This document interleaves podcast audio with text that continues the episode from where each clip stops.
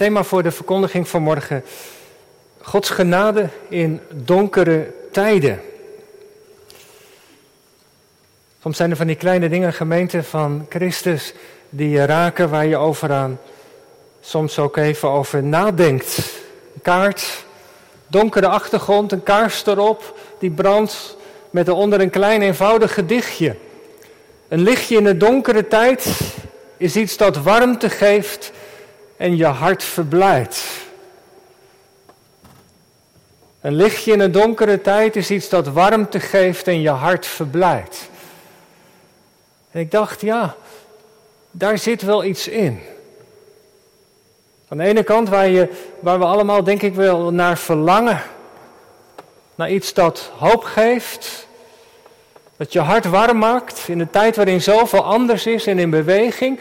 En tegelijkertijd die kaars die brandt, die donkere achtergrond, want zo beleven we denk ik ook wel een beetje deze tijd. Een lastige en moeilijke tijd. Van de persconferenties worden we bepaald niet vrolijk. De versoepelingen, de maatregelingen, de beperkingen, ze wisselen elkaar af.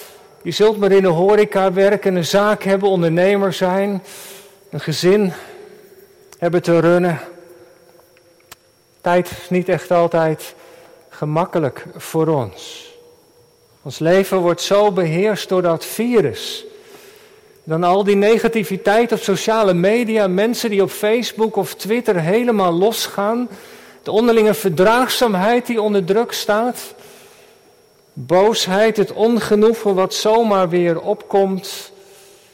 Is veel aan de hand. Politici die daartussen een weg zoeken, een regering proberen te vormen. Vooruitzichten, een nieuwe variant, kan je zomaar somber maken. En in feite denk ik dat we met elkaar soms ook verlangen naar een goed bericht, naar nieuws dat warmte geeft en ons hart verblijdt. Wat zou het heerlijk zijn als dat onheil van het virus achter ons ligt en van ons vandaan gaat.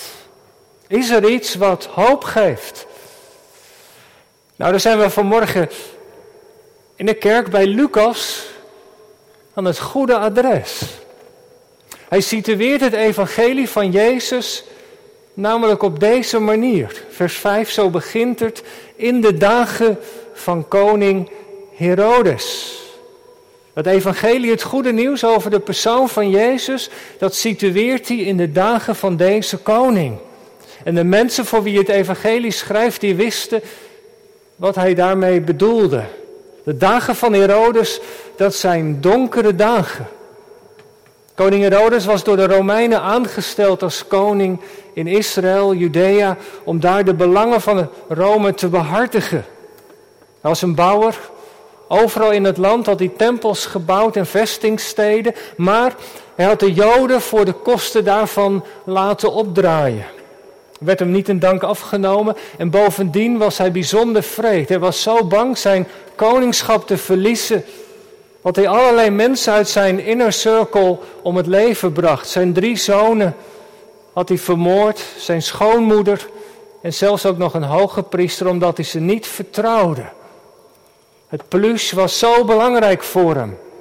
Hij wist van geen wijken, mensen om hem heen moesten dat met de dood bekopen. Koning Herodes is de koning van de kindermoord in Bethlehem. En van keizer Augustinus is er de uitspraak dat je nog beter het varken van Herodes kunt zijn dan een van zijn kinderen, dan zijn zoon. In de dagen van Herodes, het was een donkere tijd, er giste ook veel in het land. De Romeinen, dat weten, die werden gehaat. Er was een geest van opstand en verzet tegen de bezetter, tegen Rome. Tegen de maatregelen, de regels, de wetten die werden uitgevoerd. Er waren mensen in het land die zich daar hevig tegen verzetten. Er waren mensen die wat gelatener waren. En die, ja, als je tot de kring van de Sadduceeën behoorde, dan, dan kwam het je wel uit.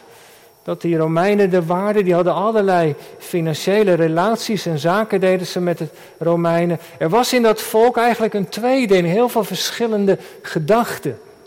En als je het hebt over de godsdienst, over het geloof, dan was het ook nog een donkere tijd. De laatste profeet was Malachi geweest, 400 jaar terug. Geen woorden van de Heere God.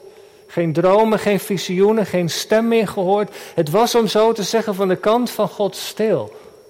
De tempeldienst ging wel door, maar de Herodes had daar priesters aangesteld, een hoge priester die niet door de Heer was aangewezen. Dus ook dat was al geen goede zaak. Het was ook geestelijk een lastige tijd. En door veel Joden werd de tijd ook beleefd als een oordeel. Dat God het zwijgen toe doet, dat komt omdat wij het ernaar hebben gemaakt, omdat wij ontrouw waren.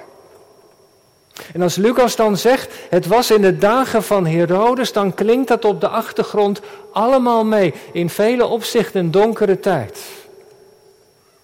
Maar de vraag is natuurlijk, hoe ga je daar dan mee om? Kom je in verzet?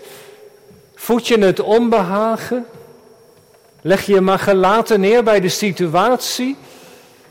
Of blijf je een mens van hoop? En zet je in om het goede te blijven doen. Maar altijd maar weer mensen de hand te reiken. Lucas vertelt dat daar in de stad Jeruzalem mensen zijn die de hoop niet hebben opgegeven. We komen ze in de eerste hoofdstukken tegen. Zacharias en Elisabeth is dan zo stil. Simeon, Anna. Zijn mensen daar, een kleine groep in de stad, die elke dag biddend bezig was met de toekomst van het land. Die bad om de komst van de Messias. Nee, er waren geen dromen, er waren geen visioenen, er waren geen woorden van God. Maar het gebed om verlossing, dat was niet verstomd. Lucas vertelt dat Simeon bad om de vertroosting, om het omzien van God naar Israël. Anna bad om verlossing. In die donkere tijd, wat deden ze? Mensen van gebed en ze grijpen terug op de oude belofte van God.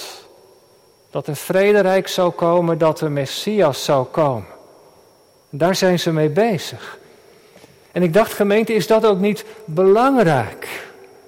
Voor ons ook. Er speelt veel in de wereld, speelt veel in ons land. Maar wij hoeven ons als kerk en als gelovigen toch niet van de wijs te laten brengen. God doet wat hij heeft beloofd. Zijn rijk is bezig te komen. Zijn shalom zal die aarde vervullen. Zijn geest is er om ons te leiden. Wijsheid te geven, moed om het goede dingen te doen. Wij, wij mogen mensen toch zijn van de hoop. Die weten dat er een God in de hemel is die voor ons zorgt. Het woord als onze gids. Het is in de weg van gebed dat God zijn zegen schenkt. En daar legt vanmorgen Lucas de vinger bij. Bij die mensen daar in Jeruzalem in de dagen van Herodes, die niet gestopt zijn met bidden. En dat accent valt daar in het bijzonder op vanmorgen in het Bijbelgedeelte, want wanneer God na zo'n lange tijd weer begint te handelen, in beweging komt, dan doet hij dat. Als je een Bijbel hebt, kijk maar mee, vers 10. Dan doet hij dat op het moment dat het volk buiten in de tempel aan het bidden is. Dan doet hij dat op het moment dat Zacharias binnen het reukofferaltaar, het reukoffer brengt. Het volk is buiten aan het bidden. En de priester Zacharias, door het lot aangewezen, is binnen in de, binnen in de tempel het reukoffer te brengen. De rook stijgt omhoog vanuit het binnenste van de tempel. De mensen buiten zien de rook en weten, zoals de rook omhoog gaat, zo komen al onze gebeden stijgen op bij God voor zijn aangezicht. En het is op dat moment, als het volk aan het bidden is, dat Gabriel aan Zacharias verschijnt. Als de gebeden opstijgen. En Lucas legt er nog even de vinger op. Waar gaat hij precies staan, die engel? Niet naast Zacharias, maar naast het reukofferaltaar. Dat is niet toevallig. Zijn komst heeft te maken met het gebed. En dan zegt hij ook nog tegen Zacharias: Uw gebed, vers 13, is verhoord. Dat God in beweging komt Dat Johannes wordt geboren, dat de Messias zal komen, is dus, zegt Lucas, antwoord op het gebed van het volk. En dat is belangrijk, een belangrijk accent. Ook al duurt de verhoring soms lang en zie je jarenlang geen resultaat, denk niet dat God je gebed vergeten is. Zacharias, je gebed is verhoord. Waar zal Zacharias eigenlijk om gebeden hebben? Wat denk je? Wat denkt u? De uitleggers zijn het niet met elkaar eens. Zal hij gebeden hebben daar bij het reukofferaltaar toen hij dat offer bracht? Zal hij gebeden hebben om een kind? Was een diepe wens van, van Zacharias en Elisabeth. Ze waren al op leeftijd, de kinderwens was niet vervuld. Dat is al moeilijk als dat je overkomt. Maar zeker ook in die tijd. In het laatste vers, vers 25 van de schriftlezer, zegt Elisabeth ook. Nu als ze dan zwanger wordt, de Heer heeft mijn smaad onder de mensen weggenomen. Een paar woorden maar, maar er zit natuurlijk een hele wereld achter. De smaad. Ze voelt zich schuldig misschien wel. Kinderloosheid werd gezien als een teken van het toren van God. Nou ja, daar moet je dan maar mee delen. Schandelijkste wat een getrouwde vrouw kon overkomen in die tijd. Dus ja, daar zal die misschien wel om gebeden hebben. Andere uitleggers aarzelen en ik sluit me daarbij aan. Want het brengen van zo'n reukoffer was natuurlijk een heel heilig moment. Zo vaak overkwam je dat niet als priester. Eigenlijk maar één keer in je leven. Als priester deed je twee keer in het jaar dienst in de tempel gedurende een week.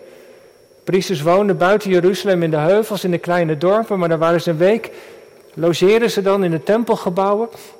En dan werd het lot geworpen, wie dat reukoffer mocht brengen.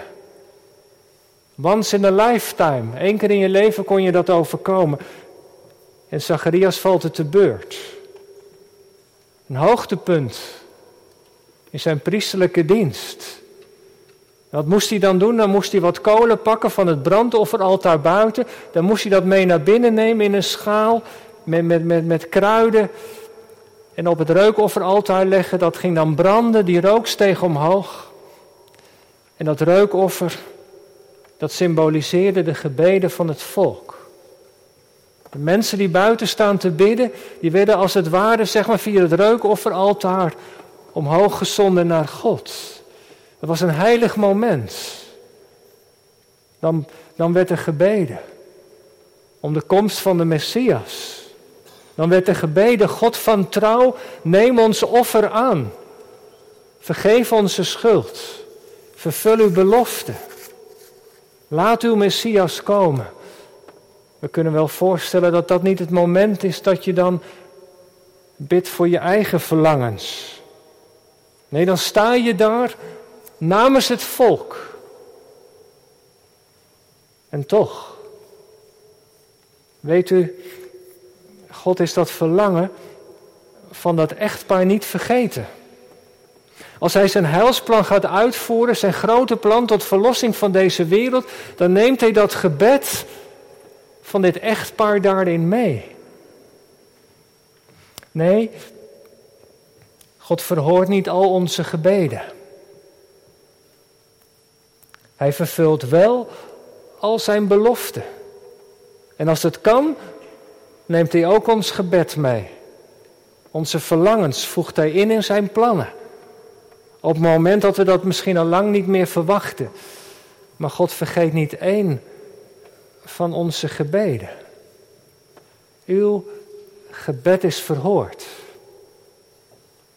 Dat, dat moet hem toch wel heel diep hebben geraakt. Toch? Na zoveel jaren, als dan uiteindelijk je zo'n bericht krijgt, dan ben je toch helemaal in de glorie. Dan is het toch blijdschap. Als nota bene een engel je het komt zeggen. Maar nee, dat is niet de reactie van Zacharias. De boodschap van die engel stuit op ongeloof. Om zo te zeggen, Zacharias kan er niks mee. Ik ben oud, mijn, mijn vrouw is op leeftijd weet u, dat hoofdstuk in ons leven, dat is al lang afgesloten. Kom daar maar niet op terug, dat is veel te pijnlijk. Dat is voorbij, kan gewoon niet. Je bent te oud. In feite, hoe begrijpelijk ook, is dat natuurlijk niets anders dan ongeloof. Zacharias denkt veel te klein van God. Ben jij nou een priester? Jij weet toch van de wonder en de trouw van God? Is voor de Here iets onmogelijk?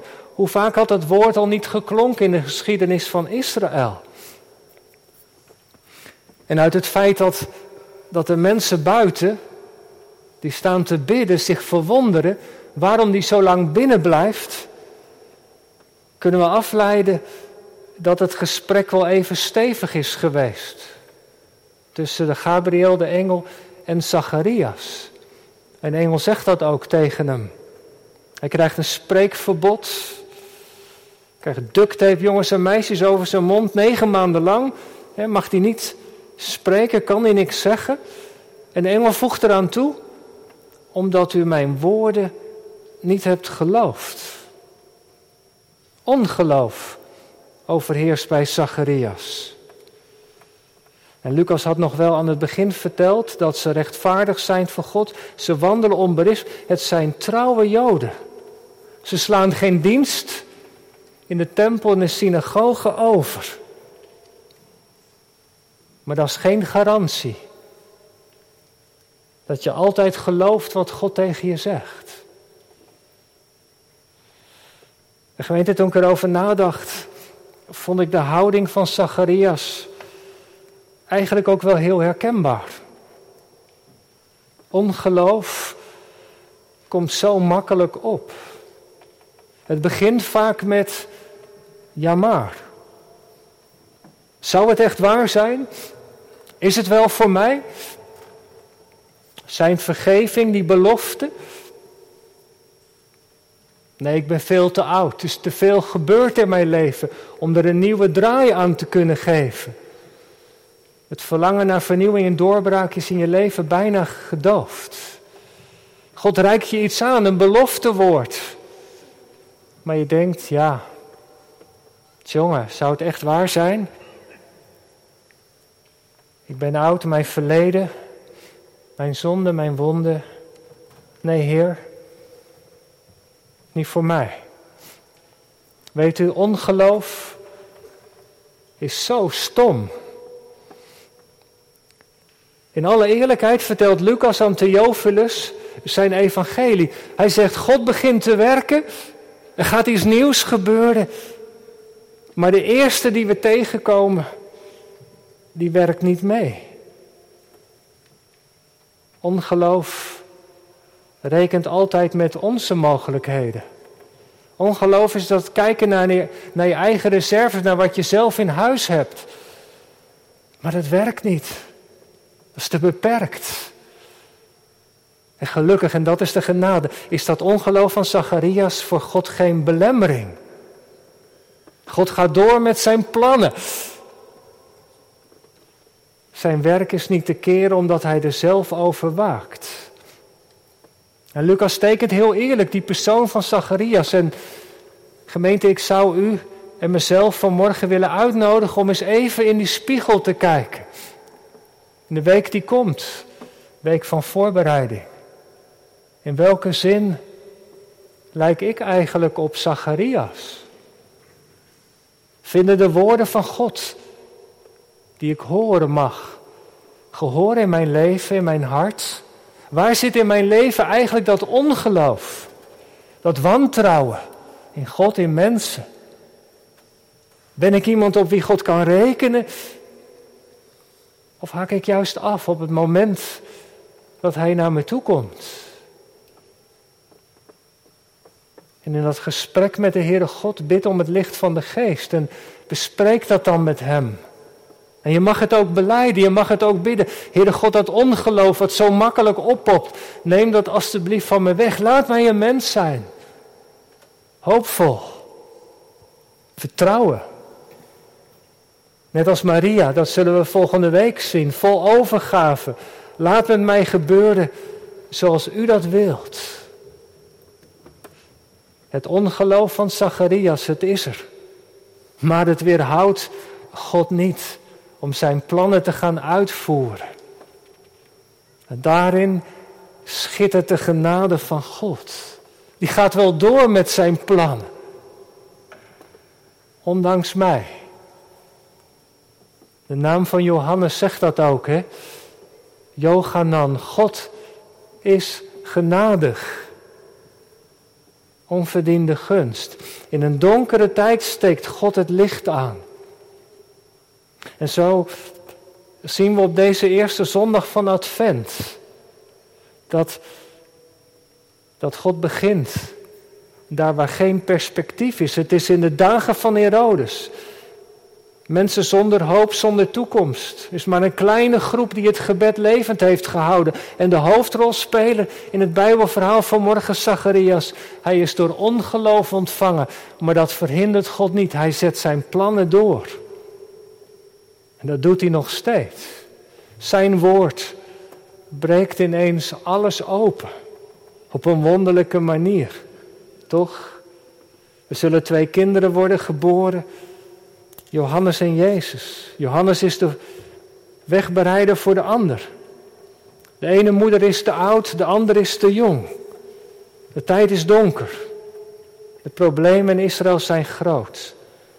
Maar God, wat hij heeft beloofd, dat doet hij. En de belangrijkste engel Gabriel, hij mag het verkondigen.